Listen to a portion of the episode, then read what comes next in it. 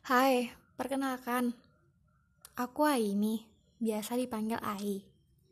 Nah, di podcast Ai, Ai pengen banget menceritakan masa lalu dari teman-teman Ai ataupun dari masa lalu Ai yang nantinya ataupun yang bertujuan untuk masa lalu teman-teman bisa dijadikan antisipasi kita di masa depan.